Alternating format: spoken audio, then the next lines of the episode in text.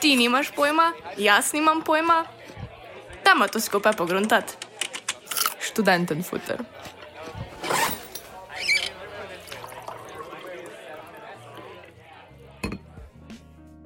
Pozdravljeni v novi oddaji Študenten Futra. V prejšnjem Študenten Futru je Urška spregovorila o stereotipih na slovenskih fakultetah. Tokrat pa bomo pogledali, kako je biti študent izven slovenskih meja, ter kako predavanja po Evropi potekajo zdaj, v času COVID-a. Žmohne. Zgodbe. Pogovarjala sem se z dvema sogovornikoma iz precej različnih evropskih držav, z norveškim študentom ter študentko iz Litve. Simna iz Norveške, ki študira računalništvo, sem ujela med pripravami na izpite. Najprej me je zanimalo, kako trenutno pri njih izgleda študij. This whole semester, I basically tried to at least have one course that's uh, like in person or where you have the possibility to be in person and like attend at uh, campus, but most courses are digital. Now we're starting like the exams, and they are essentially all uh, digital, as was mandated by the president of the university. Univerze so tako ostale odprte, pridnost pri obiskovanju živih predavanj pa imajo, podobno kot pri nas, prvi letniki. The university is still open, and we can like uh, be on campus, but there isn't really much activity going on. They are still trying to have activities because they deem that to be quite important. Yeah, and they are mostly uh, if they're able to have more than one course on uh, on campus, they're trying to um, prioritize the first year students, but they also want all students to have at least one uh, lecture like a week on campus. Pove, da so kljub koroni imeli letos kar nekaj aktivnosti ob začetku študijskega leta, čeprav v manjšem obsegu. The first week uh, was uh, it wasn't as crazy as normal, but there was still uh, quite a bit of activities. Uh, a little bit more toned back than what might be usual, but that's how it is. And uh, the university has tried to like focus on uh, get having on campus activities for first year so they have been uh, less affected by. Kako pa sam preživlja takšno vrsto študija? So druženja sploh dovoljena? Well, it helps uh, being living with like other people. I live with four other students, uh, so that helps like in the social aspect. At least get to see someone. It's quite weird, like having everything basically digitally and not seeing people and not meeting people. Recently, like the past few months, we have actually been allowed to have committees for our student organization. So, uh, my student organization, which is called Login, uh, has had like weekly meetings in their committees. Univerza, poleg podpiranja študentskih društev in občasnih predavanj, na fakulteti izvaja tudi določene aktivnosti. The autumn, uh, when there wasn't too much corona, uh, we were allowed by the university to have a career day where like i think there was like eight businesses came and had like stands and uh, talked to students which was actually pretty nice to be able to have Simon trenutno študira v mestu, ki je od domačega kraja oddaljeno pet ur vožnje. Povprašam ga, kje trenutno živi med pandemijo. Uh, well, I live here like um, I usually go home in like uh, summer break and winter break, but I usually, yeah, the rest of the year I'm here, unless I'm working in Oslo. Povi tudi, da njegov prijatelj študira v kraju oddaljenem 12 ur pri čemer se pelje skozi dve različni državi, Finsko in Švedsko. Ker je to za slovensko študentko težko predstavljivo, ga vprašam, kako se sploh odločajo za izbiro univerze. Uh, it's not abnormal to travel quite a bit, and there's a few factors. Um, one is like uh, in Norway, uh, you're being able to uh, go to a college or a university depends on what grades you get. Another factor would be uh, what actual courses they uh, offer. And the third is uh, basically notoriety or popularity and it's a little bit based on uh, location as well. Some want to be in Oslo, some want to be in Trondheim, some want to be in Bergen, but it's mostly uh, based on what they actually offer, I would say, and what grades you have. Ob tem me zanima tudi, koliko drži izjava, da se Skandinavci hitro osamosvojijo in preselijo na svoje. Most, uh, at least from Norway, tend to get their own home like in general. Uh, it's starting to get harder because house prices are going up, but it's not unusual to like move out. Most people do. Uh, we don't really have like uh, live together with our parents for much longer than like our early 20s maybe. Seveda se na tem mestu težko izognemo vprašanju, kako to deluje z finančnega vidika.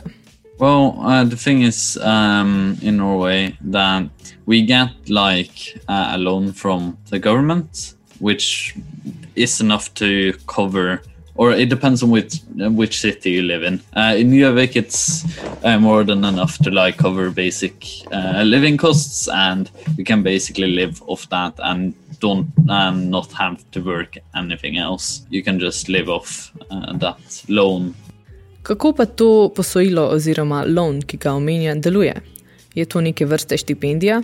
Yeah, uh, so um, there are some special rules about it. Um, if you work and earn more than a certain amount, you will have to pay back more uh, percentage of the loan. But I think it's like 40 or 60% of the loan gets uh, uh, converted to scholarship. But that depends, uh, entails that you should have finished your degree.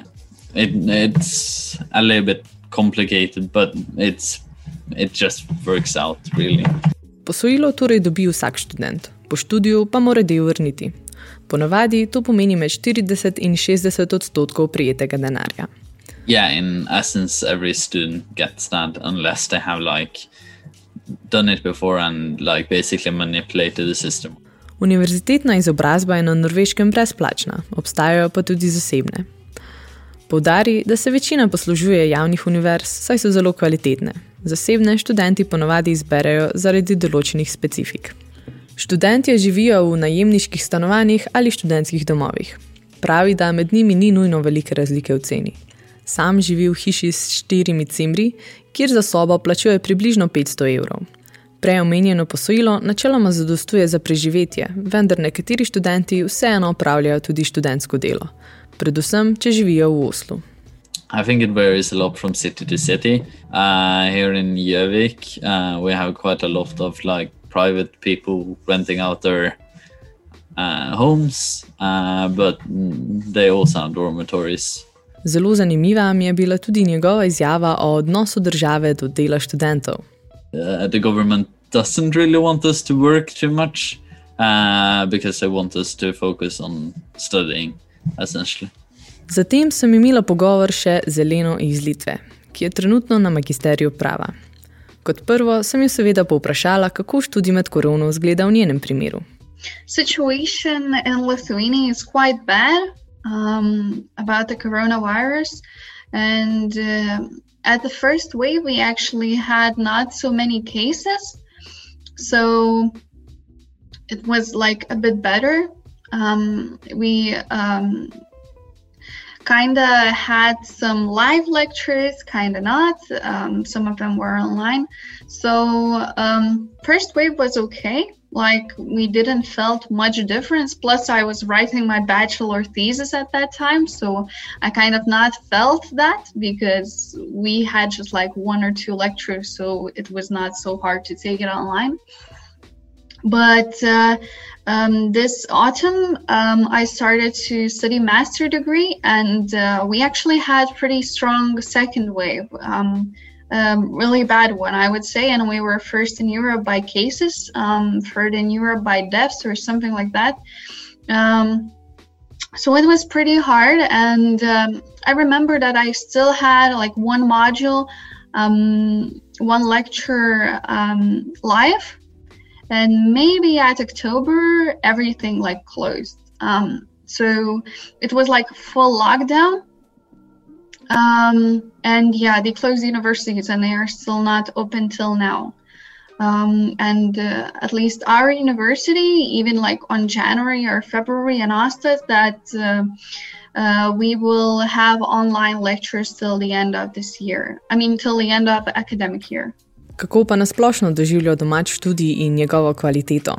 Well, everything is like um, super cool. I, I was going like to more liberal universities, so you don't always need like to attend the lectures or stuff. Um, and um, lecturers are kind of flexible. Students are too because like they choose that more liberal like um, university to manage to work at the same time. So I was going to that university, and everything is super cool. I don't know, studies are like kind of um, average level, but I mean, you still get uh, quite good knowledge. Tudi njo vprašam, koliko študentov ob študiju dela. Well, I would say in bachelor times, well, I couldn't like say, you know, exact percentage, but I believe like about um, um, 30% or something like that. Um, like a bit smaller than a half part is working another is not now that i'm studying like masters um, i believe that everyone from my group is working but it's like a master degree so um, maybe that's why like people try to already manage how to work and study at the same time Študij v Litvi je načeloma plačljiv, vendar ne za vse. Razloži, da obstaja omejeno število mest za tiste z dobrimi ocenami, ki jim država plača šolnino. a to mesto obdržijo le, če njihove ocene tudi ostanejo dobre. Government is providing providing us like free spaces, how we call them. Um, and uh, if you have like you graduate high school with good grades, you can just study for free. Well, for free is that government pays for you actually, so you don't have to like um, do anything or pay anything.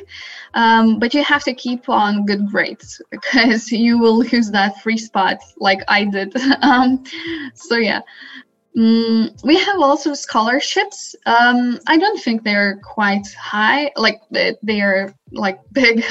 Um, they're more like symbolic, I guess, at, at this point. Um, uh, unless you're like super super good student like one of the best from whole university not even from your group Vsi, ki ne pridejo do zaston mest ali jih izgubijo, morajo šolnino plačati. Vendar Elena pravi, da niso visoke. Na voljo imajo sicer tudi študentska posojila, vendar študentom pri plačevanju največkrat priskoči na pomoč družina ali pa si denar prislužijo z delom. Mostly, if uh, the person like um, does not get that free spot, how we call it, um, uh, they um, they just like parents or grandparents um, try to pay for them. Uh, some of us, like uh, like me and my two course mates, um, we were working ourselves to manage to pay it.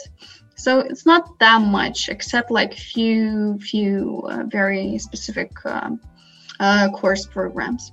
Pravi, da se število brezplačnih mest razlikuje po programih, vendar v večini primerov ni težko priti do njega, teže ga je obdržati. Kot izjemo temu pravilu veljata medicina in pravo. Medical sciences um, it's super hard to get uh, um, you know the spot where you don't have to pay. It's super hard. Um, and people even with the best grades they don't manage even to get like to the spot where you have to pay. Um, because um, i don't know it's kind of privilege to study med medical sciences in lithuania. Sistem se mi zdi nekoliko nenavaden in zanima me, kakšen delež študentov plačuje za študij. Elena pove, da bi razmerje ocenila na ena proti ena, torej da pol študentov plačuje za študij, druga polovica pa ne. Kakšna pa je v Litvi bivanska situacija študentov? Uh, I believe that the like half at least are staying in the dormitories right now be obviously because of covid um, most of the people stay at home because uh, um, well there is no need to go to another city and stay in the dormitory um, when you don't have studies there because everything is online now. And uh, some of us like uh, are renting um, a flat or a room. Um, yeah it's like it's like kind of popular to rent a room for example with someone. Pravi, da študentski domovi stanejo okoli 30 evrov na mesec, vendar se to pri večini kaže tudi v kvaliteti opreme. Dormitories are actually super cheap. Um, it's uh, like really super cheap, but uh, the quality and the conditions where you live, like, um, man, I, I like even for that price, I would not live there. um, but uh, I have I have friends who live there. I mean, some of them are pretty cool, and they are okay, but some of them are just like, um, well, pretty bad quality, let's say. Povi še, da se okvirna cena sobe v prestolnici Vilnus giblje okoli 150 do 300 evrov, kar predstavlja kar velik strošek glede na njihovo minimalno plačo, ki znaša 400 evrov. Ko jo vprašam o številu mladih, ki se odloči za študij, pove, da se zanj odloči večina posameznikov. V družbi so študentje zelo dobro sprejeti in imajo dobro predstavništvo tudi na državni ravni. Also, we have a very strong, I would say, uh, Lithuanian Youth, Youth Organization Council. If uh, that's the right um, translation. It's like pretty strong, and they are inviting, um, like even politicians in political discussions about um, about universities invite them to talk um, and to express their opinion. Um, obviously, not every time they would listen for it, but uh, um, they are always inviting, and uh, they have a pretty strong voice. they are well known so I believe that students are like represented in Lithuania pretty well. Omenja tudi, da so mladi, ki se ne odločijo za študij ali pauzirajo, pogosto stigmatizirani. I remember when I like uh, couldn't decide where I went to study, and uh, I said like for my mother that uh, maybe I will even do a gap year or something. So she was like, "What do you mean? You will just waste one year of your life? You have to go to university." Anyway, after that year, I dropped my studies and went to the other one. So it's kind of it was kind of a gap here, but at least I didn't waste one year of my life. So that's how like Lithuanian parents see um, like that it's mandatory to go to university. Veliko kratko se pogovarjam s sovrstniki iz drugih držav, ugotovim, da smo si, kljub temu, da živimo v različnih okoljih in nas loči na stotine kilometrov, precej podobni. V obih pogovorjih sem namreč zaznala prikrito sovraštvo do digitalnega procesa poučevanja ter željo po vrnitvi v stare tirnice. No, se ne da bi bila to kakšna nepričakovana ugotovitev. Se slišimo naslednjič, do takrat pa naj vzurško lahko vjamete na četrtkovem Discord javljanju.